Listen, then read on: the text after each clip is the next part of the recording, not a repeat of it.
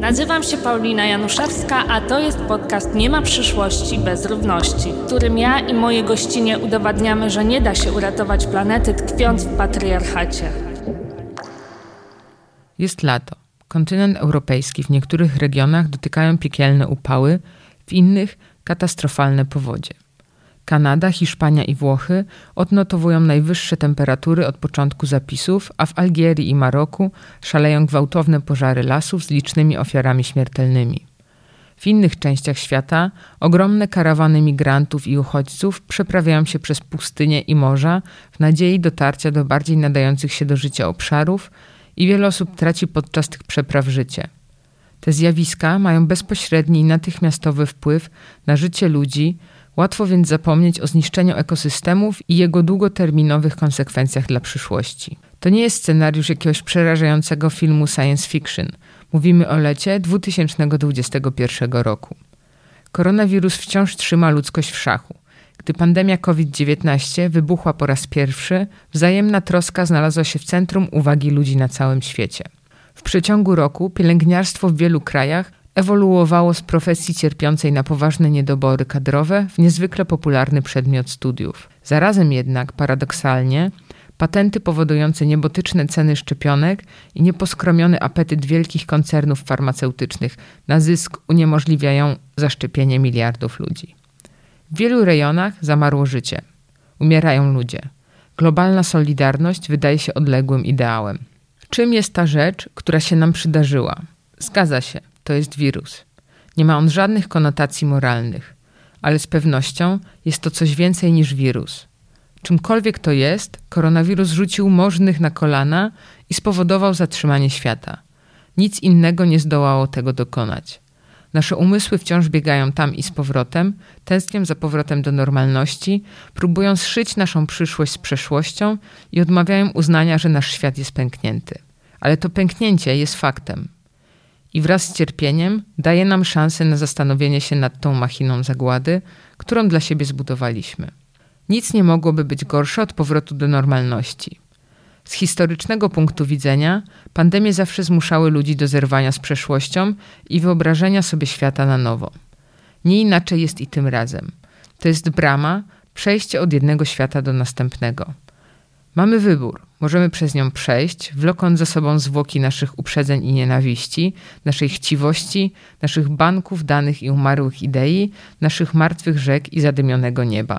Albo możemy przejść lekko, z niewielkim bagażem, gotowi wyobrazić sobie inny świat i gotowi o niego walczyć. System, w którym dzisiaj żyjemy, nie działa. To machina zagłady. Spycha wiele osób na margines i niszczy otaczający nasz świat. Potrzebujemy zmiany systemu transformacji gospodarki i reorganizacji społeczeństwa. Raport Międzyrządowej Platformy Naukowo-Politycznej do spraw różnorodności biologicznej i usług ekosystemów z 2019 roku podkreśla tę konieczność transformacyjnej zmiany społecznej, którą definiuje jako fundamentalną reorganizację systemów gospodarczych i społecznych, w tym zmianę paradygmatów i wartości. Potwierdzają to wnioski z najnowszego raportu IPCC. Jeżeli będziemy nadal podążać dzisiejszym kursem, wzrost globalnych temperatur nie zatrzyma się na poziomie 1,5 stopnia Celsjusza, lecz wzrośnie do 2, 3, a nawet 4 stopni. Konsekwencje będą katastrofalne zarówno dla ludzi, jak i środowiska. Nie jest to tylko wezwanie do transformacji w ramach obecnych struktur, tak by działały bez przekraczania granic naszej planety. Konieczna jest również zmiana kulturowa. Każda zmiana systemu zaczyna się od zmiany w mentalności innego spojrzenia na świat. Trafnie wyraziła to amerykańska badaczka systemów Donella Meadows. Pogląd podzielany przez większość społeczeństwa, wielkie milczące założenie. Milczące, bo nie ma potrzeby wyrażać go w słowach. Wszyscy je znają. Stanowi paradygmat społeczeństwa lub inaczej najgłębszy zestaw przekonań o tym, jak funkcjonuje świat. Źródłem dzisiejszych społeczno-ekologicznych kryzysów jest wiele przekonań, które dominują we współczesnym społeczeństwie. Że pewni ludzie są lepsi od innych i że ludzie są ważniejsi od wszystkich pozostałych form życia. Że natura jest pozbawioną życia stertą surowców i stanowi tylko tło dla naszego życia. Że wzrost gospodarczy jest niezbędny dla naszego dobrostanu, więc musimy bezustannie produkować i konsumować. Ekofeminizm dostarcza nam ram umożliwiających zerwanie z naszymi fundamentalnymi przekonaniami. Celem tego eseju jest zapoznanie czytelników z inspirującymi myślicielami i myślicielkami, którzy przybliżają zaistnienie konstruktywnej zmiany, tak niezwykle ważnej dla przyszłych pokoleń. Przyjmując ekologię za punkt startowy, a zarazem świadomi, że wszystko na naszej planecie jest wzajemnie powiązane, chcemy włączyć się do dyskursu politycznego koniecznego, aby nadać kształt niezbędnym zmianom społecznym. Mamy nadzieję, że włożymy swoją cegiełkę w budowanie ruchu społecznego, który nieustannie się rozwija i zmierza do przekształcenia naszego świata w miejsce piękne, tolerancyjne i dobre do życia. Miejsce, które będzie przyjazne dla tych, którzy przyjdą po nas, od najmniejszego grzyba po największe lasy tropikalne i wszystkich ludzi na naszej ziemi. Cześć, wysłuchałyście właśnie fragmentu eseju Odwaga Troski, ekofeminizm jako źródło inspiracji. E, to książka, esej e, autorstwa Dirka Holzmana, e, Pilcan Osman i Marie Monique Pronsen. E, esej, który w pewnym sensie jest odpowiedzią na piętrzące się kryzysy. Esej, który tłumaczy, czym właściwie jest e, termin odmieniany także przez wiele przypadków w tym podcaście, czyli ekofeminizm. Dlaczego? E, dlatego, że sama uważam się za ekofeministkę i podobnie jak pytana o to przeze mnie w jednym z wywiadów, które opublikowała krytyka polityczna doktora Monika Żółkoś, jestem przekonana, że Ekofeminizm jako filozofia, koncepcja i ruch stanowi jeden z głównych sposobów zmiany świadomości społecznej i pokazywania nam źródeł e, opresji, właśnie tej opresji, która doprowadziła nas do katastrofy klimatyczno-ekologicznej, ale też społecznej. I link do wywiadu znajdziecie w opisie tego podcastu, tak samo jak książkę, którą zupełnie za darmo możecie przeczytać w języku polskim. E, a dlaczego? Dlatego, że przekład e, opracowała e, dla nas Zielona Fundacja Europejska i Fundacja Strefa Zieleni, a wstęp do niego napisała profesora etyki i współzałożycielka Kongresu Kobiet Magdalena Środa. Ze mną w studiu natomiast jest Ewa Supin-Jacques-Marc, która porozmawia ze mną o sile troski i podmiotowości natury, które są e, filarami założeń ekofeminizmu.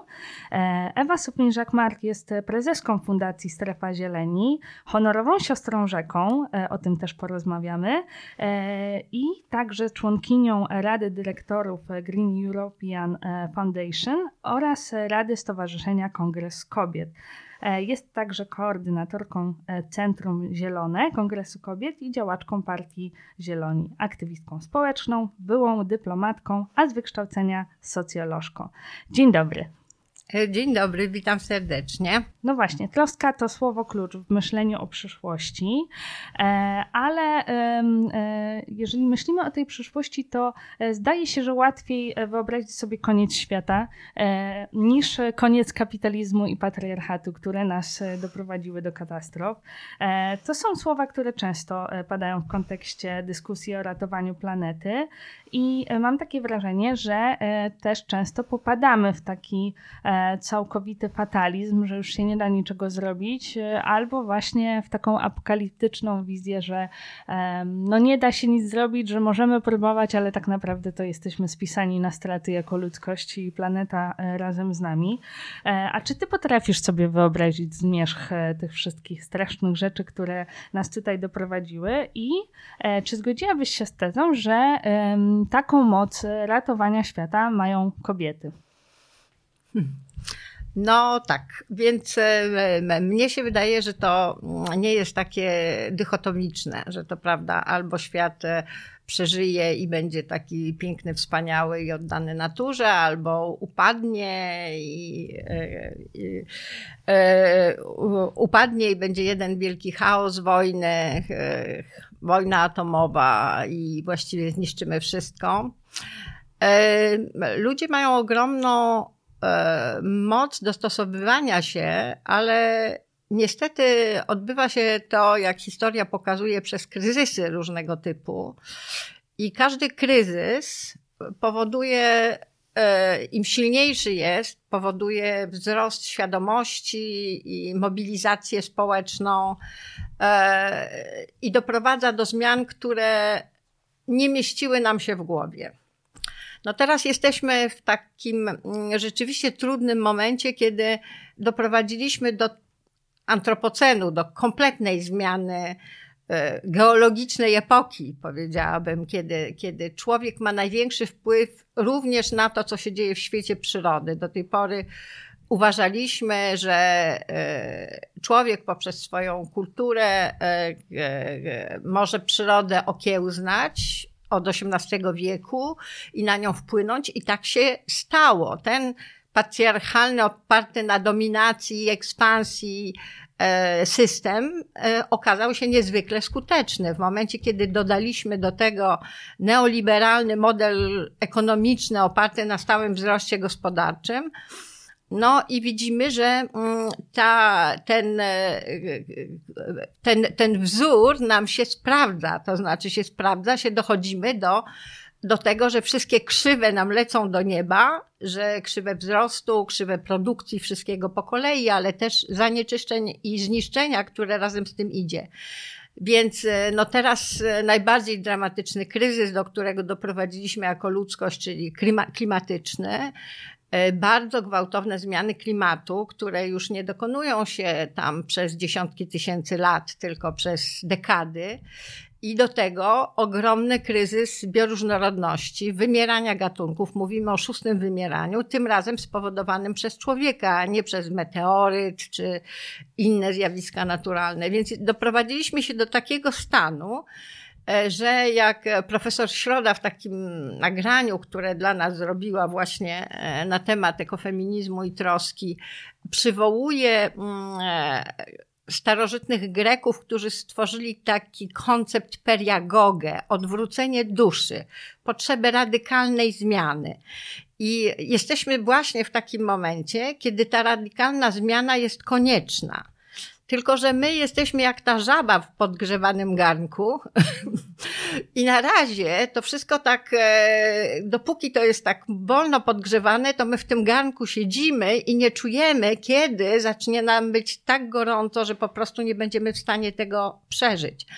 Także y, z tym, że pojawiają się kryzysy, również wywołane przez ludzi. Takim kryzysem był na przykład e, pandemia COVID-19, ale ale ona była absolutnie do przewidzenia, bo y, naukowcy, którzy zajmują się czymś, co się nazywa albo medycyną ekologiczną, albo ekologią medyczną, y, czyli ci wszyscy, którzy pracują nad y, powiązaniami zwierząt i ludzi, ekosystemów, bioróżnorodności z e, chorobami ludzkimi, czyli wszystkimi tymi zoonozami, chorobami, które się przenoszą ze zwierząt na ludzi, już od początku XX wieku alarmują, że mm, e, mechanizmy są takie, że głównie dwa czynniki, wielkie wylesianie i masowy rozwój przemysłowego chowu zwierząt, doprowadzają do tego, że e,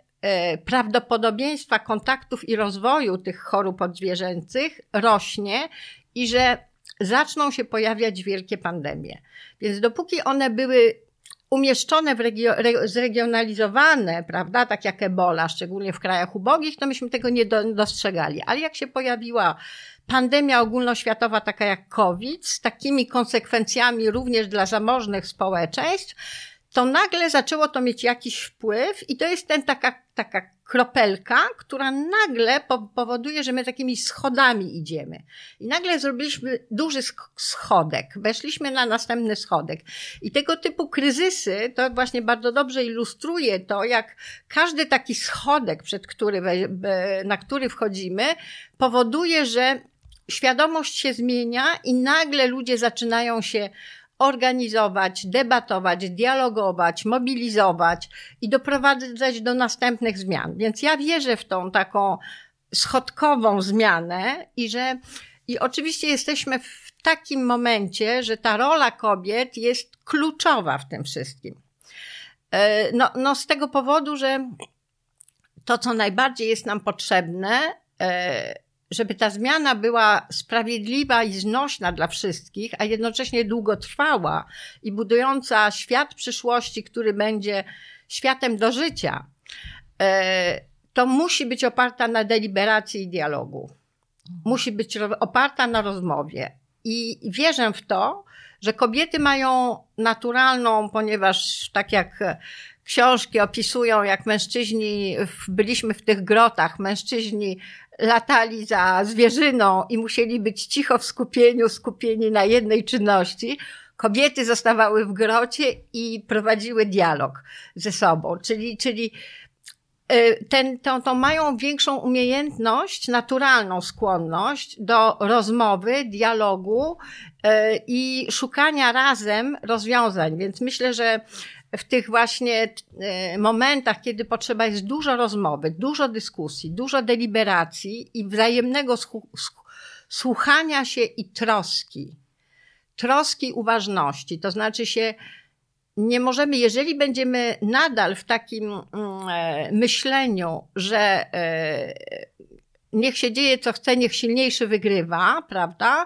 Czyli jak największego zysku, jak największego wzbogacania się i, e, i niech kto ma możliwości, niech się bogaci, niech wspiera innych, czyli w tym takim neoliberalnym modelu sprawiedliwości opartej na zwycięstwie najsilniejszych i najsilniejszy bierze wszystko, to to, to, to, to będzie tak, jak mamy wojnę w Ukrainie. Ludzie typu pokroju Putina, którzy są, mają system wartości i myślenia oparte na dominacji, zwycięstwie poprzez użycie siły i poprzez władzę, no po prostu ten świat zniszczymy, nie mamy szansy wtedy na przetrwanie. My, my musimy te wszystkie sprzeczności, które będą wychodziły i te wszystkie trudności pogodzenia różnych, e, różnych racji, musimy je godzić poprzez szukanie e, pewnych sprawiedliwych rozwiązań i przede wszystkim pochylenia się nad najsłabszymi. Na tym polega ta troska. W momencie Zieloni mówią w swoich programach miejskich, jak zadbasz o dzieci, e, to e, Twoje miasto będzie bezpieczne dla wszystkich. Jak będzie bezpieczne dla dzieci, to będzie bezpieczne dla wszystkich, prawda? Więc jak zajmiesz się najsłabszymi, w każdej sytuacji politycznej, czyli, czyli, czyli w każdym rozwiązaniu, jak się Y, po pierwsze zdobędziesz dane odpowiednie, czyli wprowadzisz odpowiednie statystyki, żeby wiedzieć, jaka jest, e, jakie są relacje, realia, a potem jak się zajmiesz przede wszystkim tymi grupami, które nie mają głosu, a które są najbardziej wrażliwe, e, to wtedy ci wszyscy, którzy są silniejsi, sobie też poradzą. O to chodzi. Więc E, więc wierzę, że, że kobiety mają tutaj bardzo ważną rolę do odegrania, bo tam, gdzie są w, w, w dużej proporcji obecne w, w procesach decyzyjnych, tam e, e, te wszystkie proklimatyczne, prośrodowiskowe i prospołeczne polityki po prostu są wdrażane szybciej i skuteczniej. I to już nie jest tylko wyobrażenie, tylko to, na każdym szczycie klimatycznym, jak jest Dzień Gender, to jest to regularnie powtarzane, że praktyka mówi, że żeby szybciej wprowadzać polityki proklimatyczne i ochrony bioróżnorodności, kobiety muszą być nie tylko beneficjentkami e, funduszy, programów i tak dalej, ale przede wszystkim muszą być masowo obecne w procesach podejmowania decyzji od początku rozdzielania środków, bo tam, gdzie mówi się o pieniądzach najczęściej kobiet, nawet w negocjacjach klimatycznych, w tych ciałach, które decydują o pieniądzach i funduszach, tam kobiet już prawie praktycznie nie ma. Więc, więc to jest ten ważny proces, dlatego ten ekofeminizm jest, e, jest tak ważny, feminizm jest tak ważny dla e, ochrony świata żywego, powiedziałabym. No też e, ekofeminizm podkreśla e, swój e, intersekcjonalizm albo intersekcyjność, różnie się mówi, czyli włączanie jak największej ilości grup, więc mamy też i perspektywę queerową, i perspektywę związaną z włączaniem mniejszości etnicznych i tak dalej, i tak więc to jest też bardzo kluczowe. Wspomniałaś właśnie o tej dychotomii, z której nam bardzo ciężko jest wyjść i, i zdaje się, że ekofeminizm tak w tej swojej e, głównej e, myśli, założeniu, rzeczywiście trochę odżegnuje się od spuścizny oświecenia, która tak naprawdę weszła bardzo mocno do naszej kultury i nie chce puścić w tym sensie, że absolutnie tutaj nie jest to krytyka rozumowania racjonalizmu, tylko bardziej zwrócenie na, uwagi na to, co takie skupienie na rozumie nam zrobiło. Czy to oznacza jednak właśnie, że potrzebujemy jakiegoś backlashu, e, jakiejś takiej rewolucji, czy jednak e, tak jak trochę myślę, że wspominałaś już do tej pory e, działań jednak stopniowych. I co to w ogóle znaczy, że ekofeminizm krytykuje oświecenie i dlaczego to jest takie ważne w myśleniu o przyszłości, Twoim zdaniem?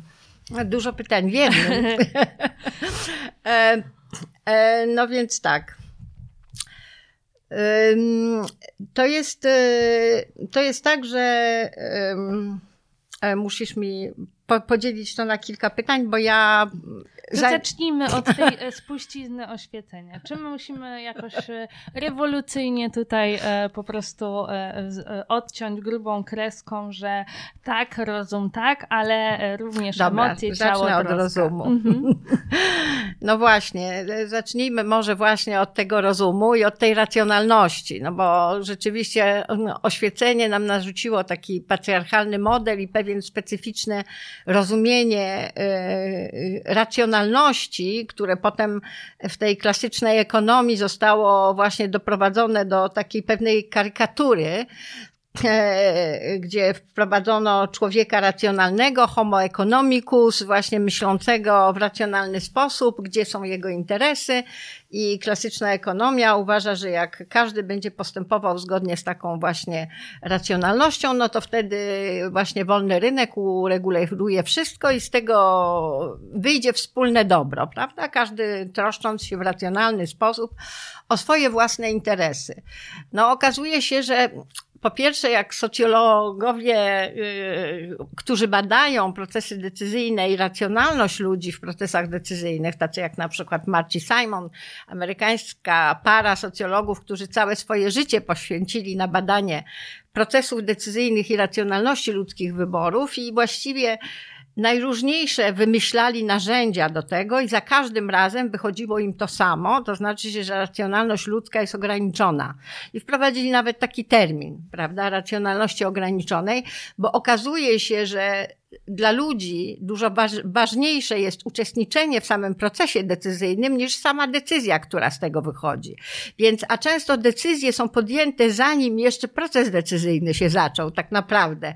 Więc, e, więc chodzi o to, że, że, że, że my potworzyliśmy sobie takie mity, na których stworzyliśmy całe wielkie teorie i zbudowaliśmy nasz świat, kiedy gospodarka stała się celem samym w sobie, otwieramy radio i słyszymy o stopie wzrostu i te właściwe wskaźniki wzrostu i to, jak się kręci gospodarka, jest celem nas wszystkich. To znaczy, że my, jako ludzie, jako społeczeństwa, mamy zadbać o to, żeby gospodarka miała się dobrze.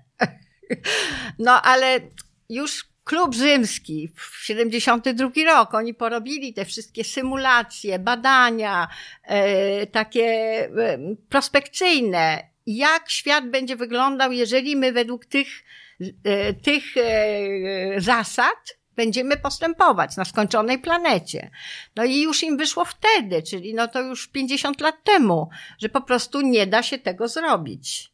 Dlatego, bo e, e każdy taki intensywny rozwój e, i wzrost e, gospodarki bez bardzo silnych regulacji i kontroli prowadzi do mm, destrukcji, tak masowej destrukcji środowiska i zmiany y, ekosystemów, że po prostu zniszczymy planetę do spodu i będzie jak na Wyspach Wielkanocnych, kiedy wycięliśmy ostatnie drzewo i, i, i, i, i e, e, wyspy stały się nie do życia. W związku z czym my to już wiemy, tylko ten, te układy sił na razie, wszyscy już wiedzą, że neoliberalizm się nie sprawdził, że to nie jest racjonalne, że nie ma e, człowieka homo economicus. Bardzo wyraźnie to pokazała w swojej teorii obważanka Kate Reward, która cały rozdział temu poświęciła i, i, i, i pokazała, że że to jest fikcja, prawda? Obaliła to też pierwsza noblistka ekonomii e, Elinor Ostrom, która dostała za to Nagrodę Nobla, pokazała, jak przez setki lat społeczności ludzkie dbały o dobra wspólne, nie na zasadzie właśnie indywidualnego homo economicus, który dbał o swoje własne interesy i, i e, e, coraz większy kawałek pastwiska dla swoich krów uzyskiwał, tylko społeczności poprzez współzarządzanie dobrami wspólnymi, które są wrażliwe, przez bardzo długie okresy czasu dbały o e, żywotność e, tych dóbr. No, pastwiska są takim dobrym przykładem, ale takim współczesnym e, odpowiednikiem tego, czyli konsekwencją tego jest ekonomia oparta nie na wielkich korporacjach, które dbają niby o nasze dobro, ani nawet nie na e, e, municypalizmie, czyli takim komunalnych czy państwowych przedsiębiorstwach, które dbają o nasze dobro, tylko jak największy trzeci dział gospodarki, który na przykład w Barcelonie wraz z zmianą władzy i przejęciem władzy przez koalicję ruchów miejskich i lewicowych i zielonych partii, E, wprowadzili e, jako trzeci równorzędny filar e, gospodarczy gospodarkę dóbr wspólnych. Czyli wszystkie te formy prowadzenia działalności gospodarczej, których celem jest nie tylko zadbanie o dobro swoich własnych członków, ale e, przede wszystkim o dobro wspólne. I to są wszystkie formy kooperatywizmu, spółdzielni, ale również formy prawne nie są takie istotne. Ważne są, jakie są cele i jakie są struktury organizacyjne tych przedsiębiorstw społecznych różnego typu. Więc, więc e, e, to wszystko, czyli ta racjonalność musi być z góry musimy sobie zdawać sprawę, że racjonalność jest ograniczona.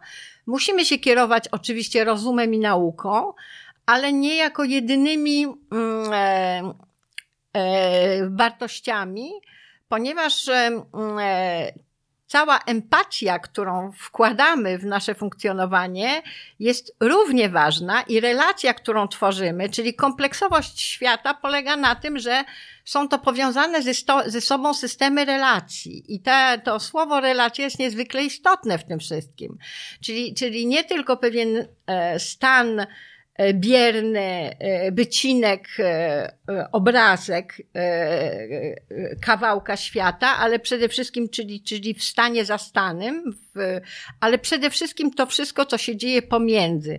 I stąd te dychotomie, na które patrzymy, prawda, natura, kultura i bardzo lubimy ten cały binarny świat, lubimy się kłócić, tworzymy sobie swoje klany, tworzymy sobie swoje wojny, identyfikujemy się z, pełno, z pewną społecznością, pewnej idei, którą przeciwstawiamy społeczności tych wrogów.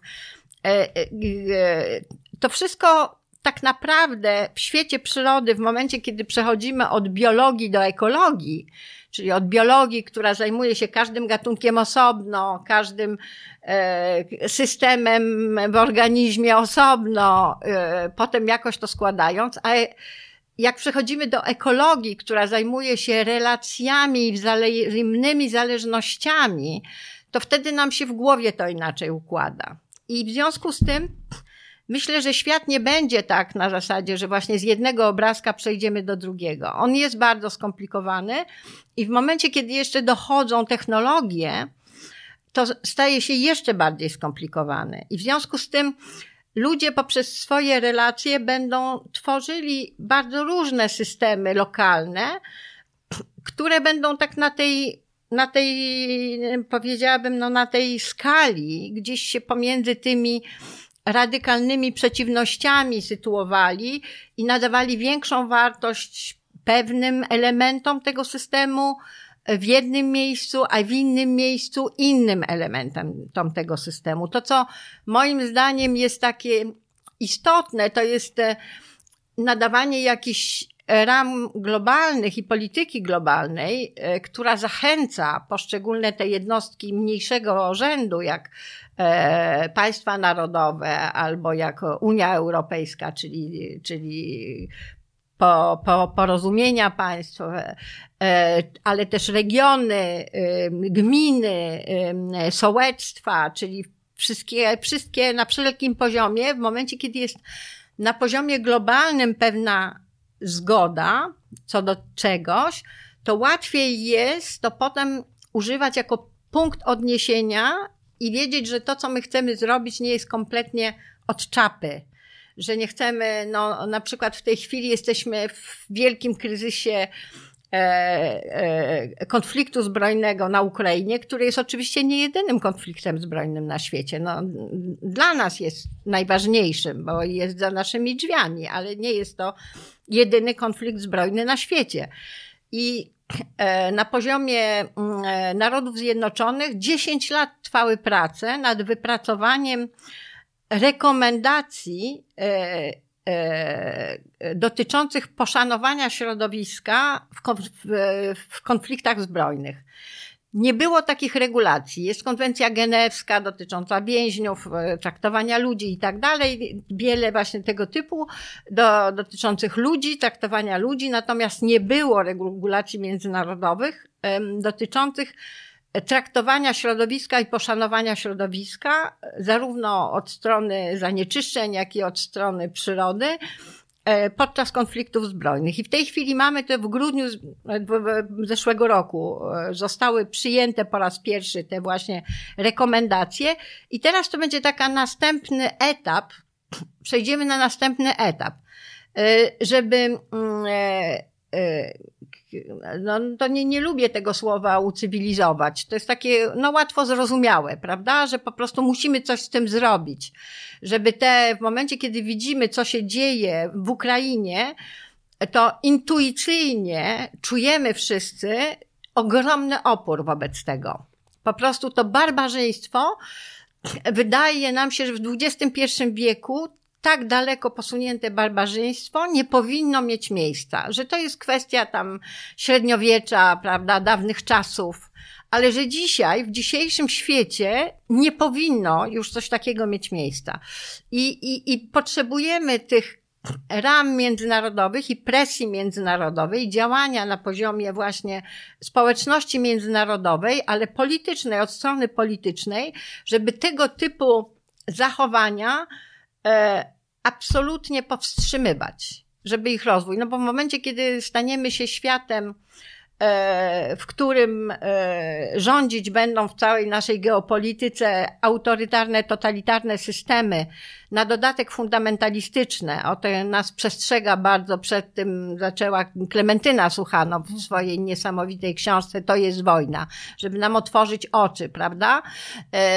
Więc, więc nie możemy do tego dopuścić, czyli ta cała mobilizacja społeczna jest potrzebna i mobilizacja kobiet jest moim zdaniem kluczowa. Dlatego od, od początku powstania Kongresu Kobiet e, bardzo się angażuję, bo wierzę, że tego typu oddolna niby stworzona, zainicjowana przez dwie kobiety, ale de facto bardzo oddolna inicjatywa, gdzie po prostu przyjeżdża tysiące kobiet z całej Polski ze swoimi różnymi organizacjami, inicjatywami yy, i pomysłami, i propozycjami tematów do dyskusji, do debat, do uczenia się, do wymiany, do tworzenia relacji, do tworzenia sieci, yy, i stymulowania się wzajemnie, dawania sobie mocy, dawania sobie odwagi. To jest, e, to jest właśnie to miejsce, które, które tego typu inicjatywy są nam potrzebne, żeby po prostu kobiety stały się e, nie tylko pełnoprawnymi obywatelkami, prawda? No bo to jak walczymy o prawa kobiet, no to mówimy, chcemy, żeby kobiety były pełnoprawnymi obywatelkami, żeby miały te same prawa. Tutaj nie tylko o to chodzi. Chodzi o to, żeby kobiety ze swoją wrażliwością, ponieważ one mają te funkcje opiekuńcze od zawsze. Więc z definicji, z konieczności musiały wykształcić tą większą troskę o, o, osoby, którymi się opiekują, no bo inaczej to by nie działało. Więc o te dzieci, o te osoby starsze, o te osoby chore. Więc, e, więc, e, więc w związku z tym ta, mm, e, ta odwaga troski, którą mają kobiety, musi zostać, musi się nią, muszą się nią, nią zostać zarażeni mężczyźni. Mamy dużo mężczyzn feministów i mamy dużo mężczyzn, których, do których to przemawia, więc, więc jak Magda Środa to bardzo dobrze mówi, ekofeminizm nie jest e, kobiety przeciwko mężczyznom, tylko kobiety wciągające mężczyzn do wspólnej pracy i wspólnego myślenia o tym, w jaki sposób ocalić świat i y, sprawić, że będzie bezpieczniejszym, lepszym do życia miejscem, prawda? Więc, y, więc to ta dyskusja się tutaj sytuuje. No ja myślę, że to jest też e, rozmowa o e, całkowitym zanegowaniu zasad patriarchatu. E, to znaczy, żeby właśnie nie było też tak, że jak będziemy wchodzić w te ważne struktury, to nagle zrobimy matriarchat, bo to tak pokusa też oczywiście jest i, i też myślę, że tutaj też ta sama, ten sam podział na kobiety i mężczyzn jest już też nie, niewystarczający, więc włączamy wszystkich. Ale ja jeszcze bym chciała chciała właśnie wspomnieć o tym, e, o czym e, Ty mówiłaś, to znaczy o ekonomii obważanka, bo rzeczywiście Barcelona jest jednym z miast, które się inspiruje bardzo e, teorią Kate Rayward obok Amsterdamu. Ja tylko dodam tutaj, że krytyka polityczna wydała tę książkę Kate Rayward po polsku. Teraz tworzymy, Michał Sutowski, dziennikarz krytyki politycznej, tworzy obważanka uzbrojonego, czyli taki model który pozwoli nam bezpiecznie czuć się w obliczu tego e, konfliktu e, w Ukrainie, który mamy tuż obok u naszej sąsiadki Ukrainy. No właśnie i jednak mam takie wrażenie, że oczywiście to jest wszystko możliwe, o czym mówisz, ale chciałabym, żebyś jeszcze bardziej nas zainspirowała. To znaczy, najpierw tutaj jeszcze przeczytam fragment Odwagi Troski i powiem o co mi chodzi. Autorki E, piszą tak e, i autor. E, ludzkie istoty chcą się opiekować i czuć zaopiekowane. To umożliwia nam pracę nad wizją przyszłości, która wykracza poza dominujące w naszym społeczeństwie poglądy, ale bez popadania w naiwność. Jedynym sposobem, aby umieścić troskę w centrum naszego życia jest zmiana struktury tego świata. Rywalizacja i duch współzawodnictwa nigdy nie znikną. To nasze środowisko w dużej mierze określa, jaki rodzaj zachowania dominuje. Wyobraźmy sobie, sobie więc społeczeństwo zaprojektowane w taki sposób, że duch współzawodnictwa nie wypiera troski, a raczej rywalizujemy o to, żeby zapewnić jak najlepszą możliwą opiekę. Może to sprawić, że współzawodnictwo przekształci się w siłę pozytywną, która umożliwia skuteczniejszą troskę o siebie nawzajem i o naszą planetę. Bardzo fajny fragment, bardzo piękny, e, który jakoś mi zapadł w pamięć. E, no i pytanie, jak zaprojektować taki świat? Czy potrafimy w ogóle tworzyć takie struktury, które nie będą e, jednak wertykalne, hierarchiczne, bo jednak ta pokusa cały czas jest, jednak wzorce, które mamy, są właśnie takie. E, I tak sobie myślę, że często e, w różnych, e, nawet nie wiem, w organizacjach pozarządowych czy jakichś kolektywach, jednak dzieje się tak, że na początku mamy super ideę, współpracujemy, a potem jednak ktoś na przykład bardzo ciśnie na to, żeby być liderem czy liderką, rodzą się konflikty. Oczywiście nigdy ich nie unikniemy, ale pytanie, czy, czy jesteśmy do tego zdolni i czy mogłabyś właśnie wskazać jakieś przykłady poza Barceloną, która uważam, że jest tu świetna. E, właśnie takich działań, e, takich metod współpracy, e, tworzenia struktur, które będą horyzontalne. No, na szczęście takich struktur jest już bardzo dużo i takich działań też jest bardzo dużo.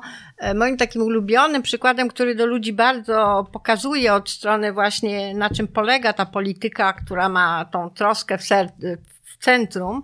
E, to jest przykład nie z samej Barcelony, ale spod Barcelony, e, z El Prat, to jest miasteczko pod Barceloną, gdzie, mm, gdzie się znajduje lotnisko Barcelony. I tam od no już nie wiem, no w tej chwili to pewnie 40 lat współrządzą w różnych tam koalicjach Zieloni z Lewicą. I na przykład mieli swoje ziemie, ziemie, ziemie rolne na terenie swojej, swojej miejscowości, swojego miasta. Normalnie można by w takim tradycyjnym układzie, to miasto powinno, żeby zwiększyć swoje zyski, mogłoby tą ziemię wynająć jakiejś firmie, E, czyli tam e, w zarządzanie, albo sprzedać deweloperowi pod budowę kolejnego osiedla albo innej inwestycji, z której e, dostanie podatki, albo wynająć firmę, która będzie tam tym gospodarować i produkować intensywną żywność w tradycyjny, konwencjonalny sposób, z użyciem dużej ilości pestycydów, E, albo, albo właśnie hodujące zwierzęta w sposób przemysłowy i pobierając od tego duże podatki. Tam natomiast w sposób deliberatywny e, e, mieszkańcy, ponieważ jest rada, oprócz tradycyjnych samorządowych struktur, jest też Rada Obywateli, która, która pomaga samorządowi podejmować decyzje, w które każdy się może zaangażować, czyli ludzie zainteresowani różnymi tematami, różnymi problemami i tak dalej, mogą przychodzić i e, deliberować i dzielić się swoimi uwagami, swoimi pomysłami. I w ten sposób zostało wypracowane, że ta ziemia zostanie e, oddana w zarządzanie organizacji pozarządowej, e, która zajmuje się rolnictwem ekologicznym. Zatrudnione zostaną osoby wykluczone, czyli zostanie jednocześnie e, użyte to do pewnej funkcji właśnie e, wkluczającej osoby z trudnościami różnego typu i będą, będzie produkowana ekologiczna żywność do szkół tego miasta prawda, dla dzieci. Więc to pokazuje bardzo dobrze, kiedy właśnie e, od każdej strony staramy się, żeby ta, w momencie, kiedy mamy dobro wspólne, jakie są tereny naszego miasta, to staramy się zaspokoić jak najwięcej z troską, jak, naj, jak najwięcej właśnie tych e, e, potrzeb e, dla ogólnego wspólnego dobra. Więc, więc to jest taki, taki bardzo konkretny przykład. W tym samej miejscowości mają na przykład radę dotyczącą wody, ponieważ jest to, woda jest e, e, dużym problemem. W mieście jeszcze, które ma lotnisko tak ogromne na swoim terytorium, można to sobie wyobrazić, są te wszystkie spływy zanieczyszczeń, tam jest Natura 2000, więc e, zarządzanie wodą tak samo została wprowadzona rada, E, złożona z przedstawicieli oczywiście samorządu, firmy, tej komunalnej, która tym zarządza, ale została rada wprowadzona. Zarządzanie wodą w ogóle w sposób, e, w sposób kolektywny jest na przykład modelem we Francji od wielu lat. Tam są parlamenty wodne. Każda zlewnia ma swoją, które są ustawowo bardzo precyzyjnie wyznaczone, kto jest reprezentowany, żeby wszyscy użytkownicy byli reprezentowani.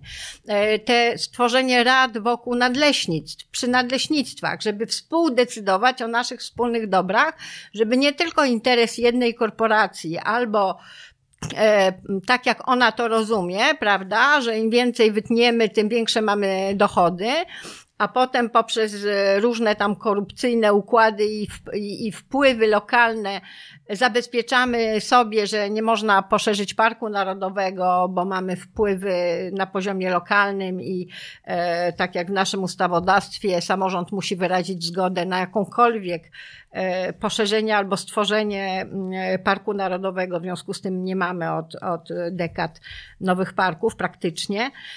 E, więc, a tutaj właśnie takie uspołecznienie, czyli, czyli włączenie ludzi i, i moim zdaniem to jest też takie potrzebne też wprowadzenie do programów szkolnych e, przede wszystkim nauki filozofii. E, to uważam, że to jest znakomity pomysł we Francji, gdzie w liceum naucza się filozofii i matura z filozofii jest naprawdę wydarzeniem narodowym. To znaczy się temat, jaki był w tym roku. Media nie rozmawiają o tym, co posłowie w Sejmie powiedzieli, tylko cała Francja i wszystkie media dyskutują o temacie matury z filozofii tegorocznym i na ten właśnie temat. Więc e, Nauczanie filozofii jest nauczaniem ludzi stawianiu się w skórze innego, zadawaniu sobie pytań, wyobrażaniu sobie, dlaczego ktoś ma takie, a nie inne stanowisko, rozważania tego od wszystkich stron, czyli sprzyja umiejętności konstruktywnej komunikacji i poszukiwaniu wspólnie rozwiązania najlepszego dla wszystkich, bo, bo, bo, bo, bo zmusza Czyli my w tej naszej e, lekcji demokracji, którą żeśmy tam te trzy dekady temu jakoś tam odrobili, wprowadziliśmy demokrację e, tą reprezentacyjną, reprezentatywną, czyli właśnie wolne wybory, i, ale nie wprowadziliśmy, nie odrobiliśmy lekcji do końca, nie wprowadziliśmy poszanowania dla e, wielości możliwych możliwości i to, że ludzie mają różne wizje świata i różne systemy wartości jest uprawnione. I poprzez właśnie deliberację, dialog i debatę i przekonywanie się nawzajem, możemy wpływać na to, czy więcej ludzi będzie miało taką, a nie inną wizję świata. Ale w momencie, kiedy my po prostu uważamy, że kto ma inną wizję, jest wrogiem, którego trzeba zniszczyć, obrazić, e, i właściwie są to wojny, które powodują, że ludzie się zamykają w swoich własnych bańkach, ze względu na ich własny komfort psychiczny. Po prostu e, takie ciągłe konfrontowanie się i walka z innymi jest psychicznie ogromnie trudne. W związku z tym, co zresztą jest jednym z powodów, dlaczego kobiety nie garną się do polityki. W momencie, kiedy polityka została sprowadzona do e, koniecznej walki klanowej, e, a nie konstruktywnego poszukiwania rozwiązań dobrych dla wszystkich, no to wtedy kobiety mówią, no nie interesuje mnie to. Po prostu. W związku z czym dopiero jakaś większa ilość kobiet w organach decyzyjnych, czyli jakaś na tyle duża reprezentacja, która da im odwagę troski, czyli żeby wprowadzić troskę jako do centrum polityki, bez względu na to, czy jesteś z ugrupowania takiego, czy jesteś z ugrupowania innego, ale i razem pochylmy się z troską nad problemem takim i znajdźmy najlepsze rozwiązania, a nie co powie opozycja, to musi być z góry wyrzucone do śmietnika i e, skrytykowane za wszelką cenę i jeszcze obrażony człowiek, który to wypowiedział. Więc, więc, więc to jest właśnie dla mnie ten clue te, tego całego procesu.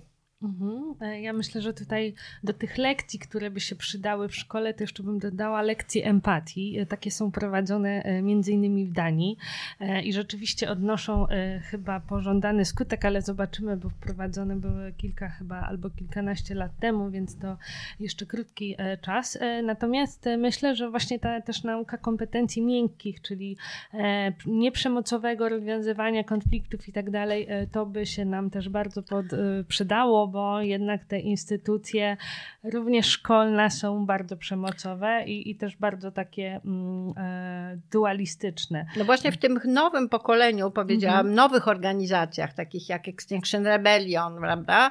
To są te organizacje, czyli Extinction Rebellion to jest ta, ta organizacja, która powstała w Anglii i która się e, rozszerzyła, jest w wielu krajach, jest również w Polsce i która poprzez praktykę społecznej, społecznego nieposłuszeństwa, obywatelskiego nieposłuszeństwa E, próbuje przyciągnąć e, media i uwagę ludzi, zwrócić na to, że mamy gwałtowne zmiany klimatu, które zagrażają w ogóle naszemu przetrwaniu i naszej przyszłości.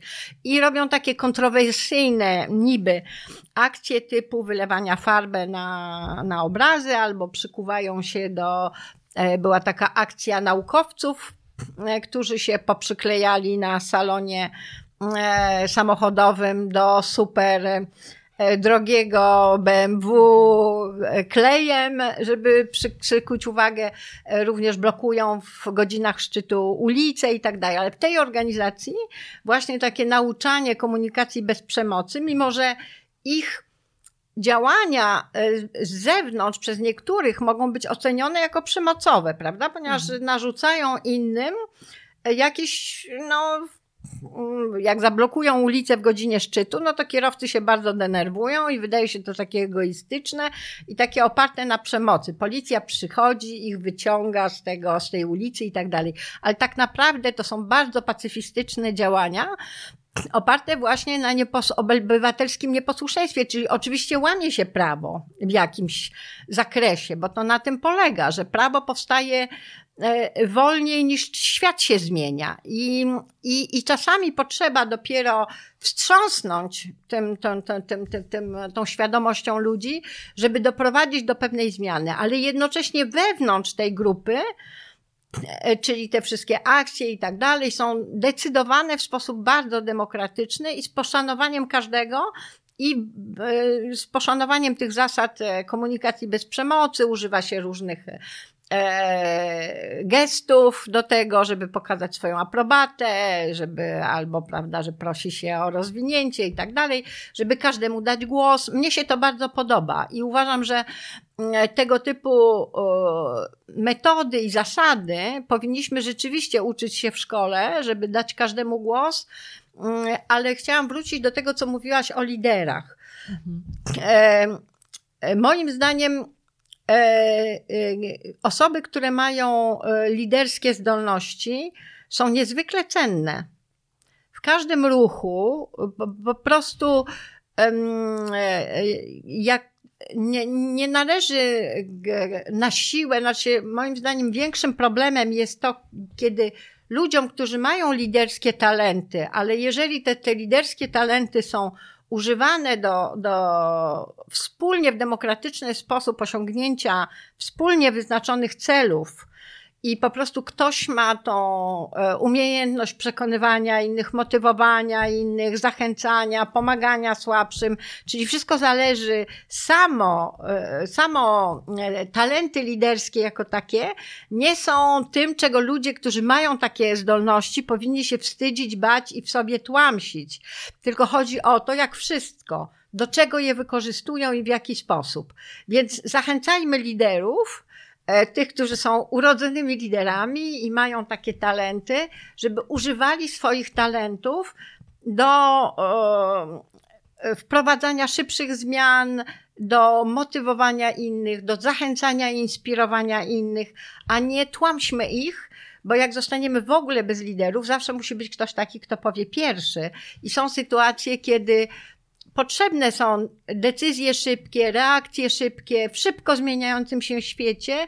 Tacy e, wartościowi liderzy są, są złotem i trzeba ich hołubić i wzmacniać.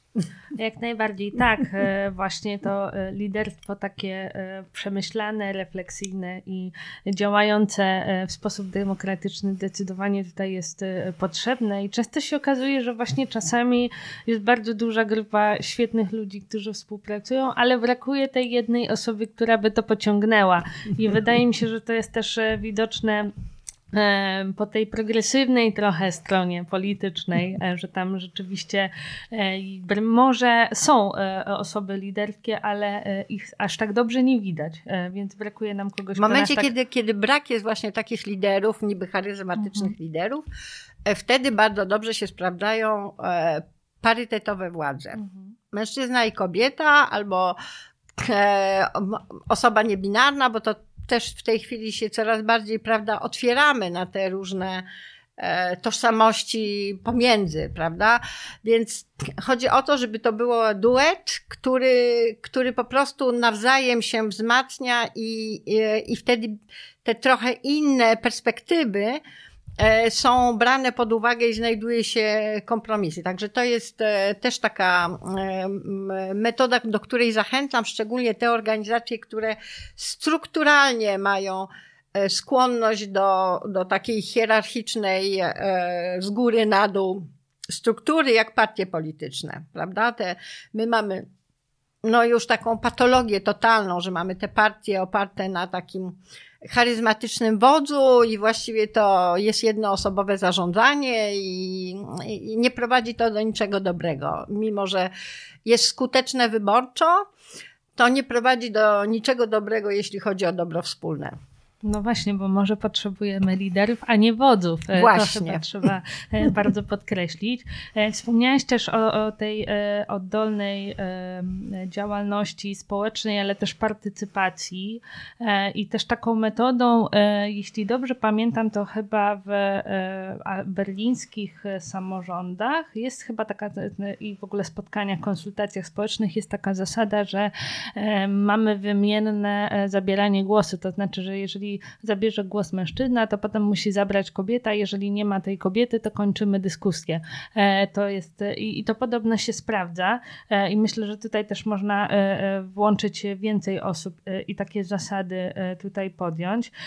Ale właśnie jeszcze chciałabym się zatrzymać nad tym kolektywnym, różnorodnym, demokratycznym działaniem, bo zdaje się, że właśnie czymś takim, co daje nowe perspektywy patrzenia chociażby na przyrodę, jest kolektyw Siostry Rzeki, e, którego członko, e, członkinią honorową jesteś, e, ale także taki charakter mają panele, które organizowała w zeszłym roku Fundacja Strefa Zieleni. To były panele dotyczące energii, a mamy kryzys energetyczny, choć oczywiście wszystkie koncerny paliwowe tutaj mają rekordy, jeśli chodzi o swoje wyniki finansowe i, i o tym też informujemy na, na łamach krytyki politycznej. Jest to, jest to dosyć bolesne i, i trochę mam takie pretensje do niektórych mediów, że, e, że te, na przykład pochylają się, nie wiem, nad tym, że aktywiści rzucą zupą w obraz, a, a nie, nie, nie ma tego oburzenia, e, kiedy Chevron czy jakieś tam inne koncerny e, zarabiają krocie na kryzysie. No i z tym kryzysem trochę trudno nam sobie poradzić, ale Powiedziałaś podczas tych e, panelów, e, e, a w zasadzie tuż po nich chyba dziennikarce Okopres, że te spotkania wokół tematu energii powinna robić każda wspólnota i każde osiedle, że to jest bardzo ważne, że wszyscy możemy szukać rozwiązań, jeśli zobaczymy problem blisko siebie, jeśli porozmawiamy o tym, czego nam brakuje, co możemy zrobić, czego można się domagać od samorządu, jeśli uzyskamy efekt skali, to zmusimy władzę do współpracy. To jak widziałabyś właśnie właśnie rolę e, społeczną, chociażby w radzeniu sobie z kryzysem energetycznym. E, czy to jest tak, że rzeczywiście musimy e, całkowicie uspołecznić te kwestie? Mm, a może po prostu szukać możliwości współpracy między tymi strukturami, które już mamy, bo też myślę, że w oderwaniu od, nie wiem, jednak tych no, sieci energetycznych, które już mamy, trudno zbudować sobie teraz własną samodzielną strukturę. Więc jakbyś, wygląd- jakbyś widziała taki model, który gdzieś tam by się sprawdzał w szukaniu rozwiązań, e, które pozwoliłyby nam przezwyciężyć kryzys energetyczny? Dobrze, to może tak. Zacznę od sióstr rzek. To jest ruch stworzony przez Cecylię Majlik, która jest jedną z takich najbardziej niesamowitych, inspirujących artywistek, czyli artystek, aktywistek, e, właśnie pro klimatyczną, znaczy prośrodowiskową, ale w różnych dziedzinach ekologii robiła właśnie niesamowite akcje, jest z Krakowa, ale w pewnym momencie zaczęła działać na rzecz rzek, e, ponieważ rzeki są e, w Polsce, my mamy akurat jeszcze w miarę unaturalnione rzeki, nie, nie za mocno uregulowane, ale są w tej chwili bardzo zagrożone. Mamy bardzo zły stan wód e, i, i projekty y, rządowe y, użeglownienia i uregulowania rzek są rzeczywiście wielkim zagrożeniem dla naszych rzek i dla ich ekologicznego bogactwa, więc powstał taki kolektyw Siostry Rzeki. Każda kobieta reprezentuje jedną rzekę i jest taka, zaczęło się od Wisły, jest taka pieśń oparta trochę na takich słowiańskich, tradycyjnych rytmach, e, kiedy Wisła wzywa inne swoje siostry rzeki na pomoc. żeby zapobiec powstaniu tamy na Wiśle w Siarzewie. I to taki był pierwszy e, element i motyw, który spowodował, że powstał właśnie wielki kolektyw. Do tego się dołączyło trochę potoków, też e, mężczyzn. E, ubieramy się na niebiesko, malujemy na niebiesko oczy i śpiewamy razem. Mamy właśnie te tabliczki, które Cecylia porobiła dla wszystkich rzek. E, takie jak, e, jak widzimy na, na drogach, jak jedziemy i widzimy nazwę rzeki, no to jest na niebieskim tle, białymi literami, z takim właśnie e, falami. Tak, na, pod, pod, pod, pod, pod nazwą rzeki.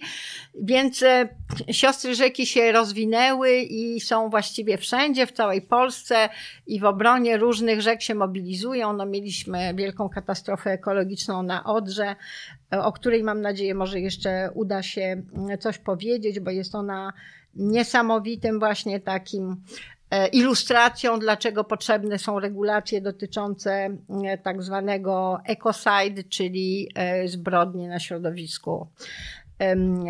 A teraz e, przechodząc do debaty, mm, do narad o kosztach energii, to w ogóle cały ten ruch stworzyła Fundacja Stocznia. Bardzo pozdrawiam całą fundację i bardzo im dziękuję za ogromną pracę, którą wykonali. Stworzyli świetne narzędzia, e, filmiki, wideo, projekty właśnie schematów tych narad i tak dalej. My jako Fundacja Strefa Zieleni żeśmy zorganizowali jedną z takich narad w Warszawie i uważam, że E, a potem na samym końcu Fundacja Stocznia zrobiła panel obywatelski, pierwszy w Polsce ogólnokrajowy panel, bo takich e, e, lokalnych w poszczególnych miastach paneli już było na różne tematy, ale to był pierwszy ogólnokrajowy panel obywatelski mm, o kosztach energii i ubóstwie energetycznym. E, I mm, e, ten panel e, wypracował, czyli to panel obywatelski, to jest bardzo ciekawa forma partycypacji na dzisiejsze czasy, kiedy mm, no dosyć skomplikowana metodologicznie, bo trzeba znaleźć populację, grupę osób, które są od tak reprezentują w reprezentatywny sposób, reprezentują nasze społeczeństwo, czyli ludzi, którzy się zgodzą w tym uczestniczyć, przyjeżdżać na te spotkania i potem się organizuje najpierw taką mm, dużą sesję informacji i uwspólniania wiedzy z ekspertami, a potem właśnie w deliberatywny sposób poprzez różne grupy tematyczne wypracowuje się rekomendacje. I ten e, panel wypracował 100 rekomendacji, 10 takich głównych i w sumie 100 rekomendacji szczegółowych właśnie o tym, e, w jaki sposób zapobiegać ubóstwu energetycznemu i bardzo e, wszystkich zachęcam do, do przestudiowania i inspirowania się tymi rekomendacjami i samym procesem też, który uważam powinien być częściej stosowany w różnych momentach i w różnych tematach, które są skomplikowane i ważne.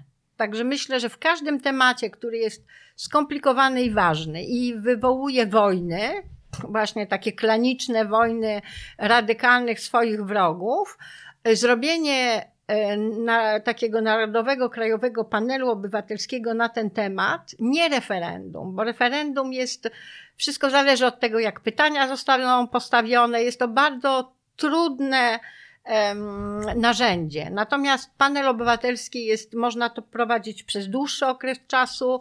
Wielki klimatyczny panel obywatelski francuski trwał 9 miesięcy.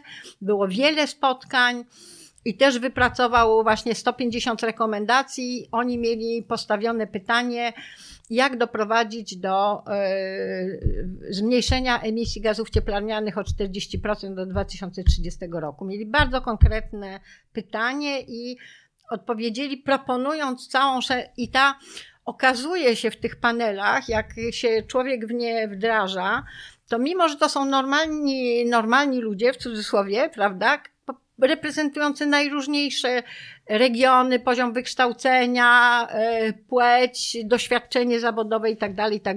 Czyli wyklucza się osoby, które są profesjonalnie związane z daną dziedziną, właśnie specjalnie.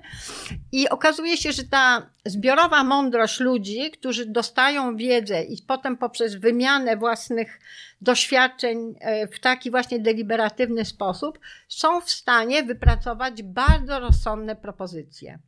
I te propozycje mogą być potem Y, jeżeli mm, władza nie ma zaufania do zbiorowej mądrości i może uważać, że y, potem trzeba rozdzielać środki publiczne, więc trzeba jednak to przefiltrować przez możliwości i z tego zrobić dopiero harmonogram i tak dalej, okej, okay. ale jest to bardzo dobry y, punkt wyjściowy dla każdej władzy, żeby po prostu się nad tym pochylić i zobaczyć, w jaki sposób, co z tego można wdrożyć, co ma rzeczywiście sens i w jaki sposób zrobić z tego polityczny harmonogram prac i, i, mm, i program.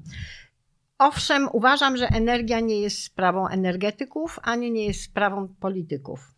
Energia jest zbyt ważna, bo od energii właściwie zależy wszystko inne ale dlaczego nie tylko energetycy i nie tylko politycy powinni decydować o tym, jaki mamy model energetyczny, w jaki sposób wygląda transformacja, jakie e, źródła energii wdrażamy i kiedy?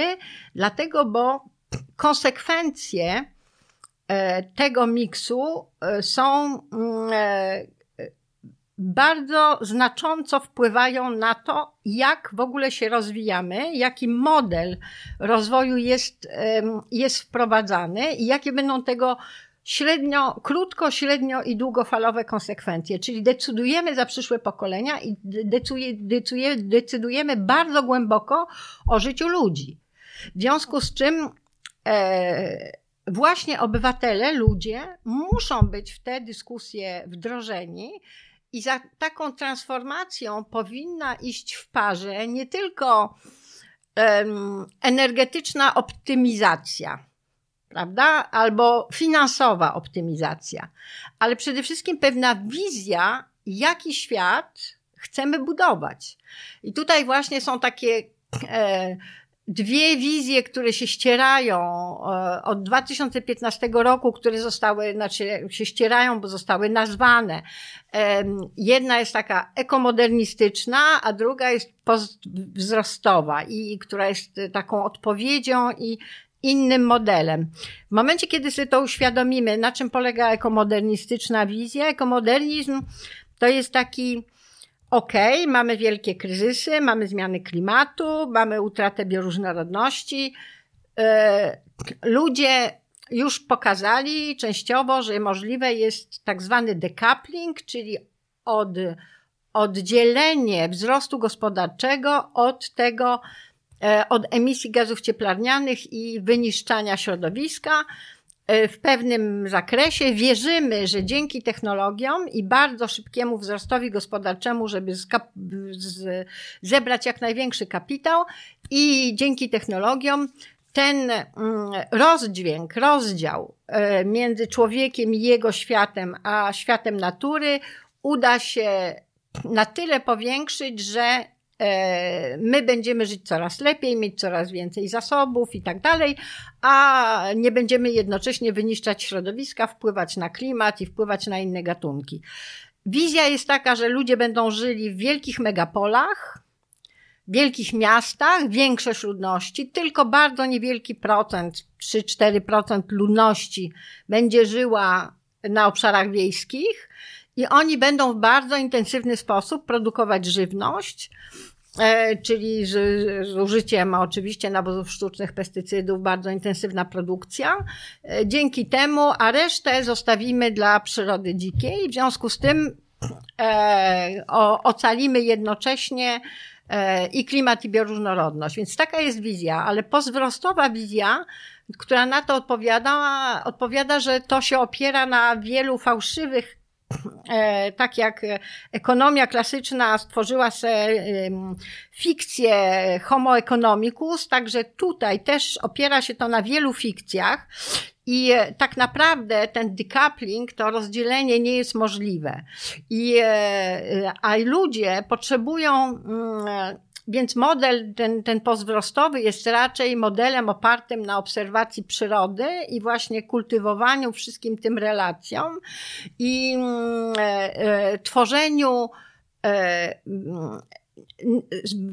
jak najbardziej autonomicznych, jeśli chodzi o zaspokajanie ich własnych potrzeb i takich solidnych, odpornych społeczności lokalnych, które będą w stanie w świecie szybkich zmian, chaosu, który nas czeka, ze względu właśnie na e, katastrofę klimatyczną, która się mimo wszystko rozwija, na tą niepewność, na te możliwe konflikty różnego typu zbrojne, bo może nie przekonamy wszystkich e, od razu do takiego samego modelu. Więc chodzi o to, żeby tworzyć jak najwięcej niezależnych, samodzielnych, odpornych i dbających o własne środowisko i własną równowagę i własną autonomię społeczności lokalnych. I w momencie, kiedy sobie te dwie wizje uświadomimy, one są oczywiście tak jak modele weberowskie, one są pewną karykaturą, prawda? Ale, ale chodzi o to, że, że, że potrafi to tam zainspirować człowieka, jaka jest nasza przyszłość i co byśmy chcieli budować i w którym w której wizji lepiej bym się jako osoba odnajdywał czy odnajdywała, prawda? Więc, więc ta postwzrostowa wizja jest dużo bardziej bliska ekofeministycznemu zrozumieniu świata, właśnie jako budowaniu relacji, odpornych e, e, społeczności, troski wzajemnej i pewnej równowagi ekosystemowej, czyli budowania bogatych ekosystemów, w których ludzie mają swoje miejsce. Nie jest na zasadzie, że, że my budujemy sobie ten, ten świat ludzi to jest ten świat tego mega miasta, gdzie w którym sobie mm, wypracowujemy jakieś sztuczne wysepki zieleni i jakieś tam miejsca na tworzenie małych grup, które mają wspólne zainteresowania i ze sobą w jakichś bańkach się zamykamy, żeby przeżyć wszystko inne, prawda? Więc, yy, więc to jest, yy, to jest model, do którego, który mnie jest dużo bliższy i dlatego moje zaangażowanie na przykład w koalicję Żywa Ziemia, która jest y, oparta, właśnie jej działalność jest takim e, e, rzecznictwem na rzecz innego modelu rolnictwa, i, i, i właśnie z poszanowaniem, z takim zazielenionego, z poszanowaniem e, wszystkich gatunków i ludzi, którzy tam mieszkają. I, i, i moim takim modelem organizacji, jeśli chodzi o organizację e, broniących rolników, to jest La Via Campesina, to jest światowy ruch chłopów i chłopek. To są 70% chłopów na świecie to są kobiety. To są chłopki, e, które, które zajmują, bo kobiety od zawsze zajmowały się produkcją żywności, gotowaniem, dystrybucją i tak dalej.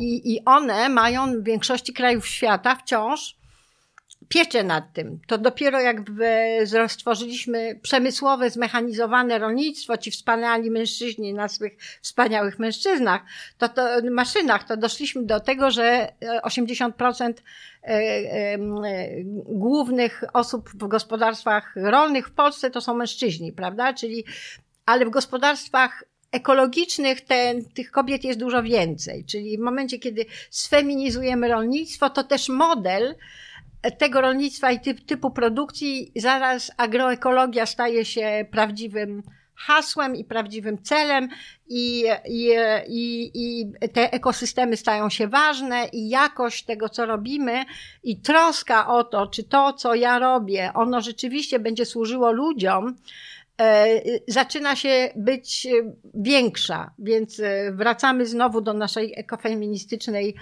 wizji i zaangażowania i roli kobiet również w rolnictwie, ale też w energii. Do, dla stąd te dyskusje lokalne o energii są bardzo ważne. Ja pierwszą debatę na temat energii zrobiłam na Kongresie Kobiet e, w 2012 roku. Łupki atom czy zielona energia i było 200 kobiet i bardzo się dyskutowały i czuły się bardzo głęboko, do, do, że ich to dotyczy, więc myślę, że o tym powinniśmy rozmawiać i powinniśmy rozmawiać na wszystkich poziomach, również na poziomie lokalnym.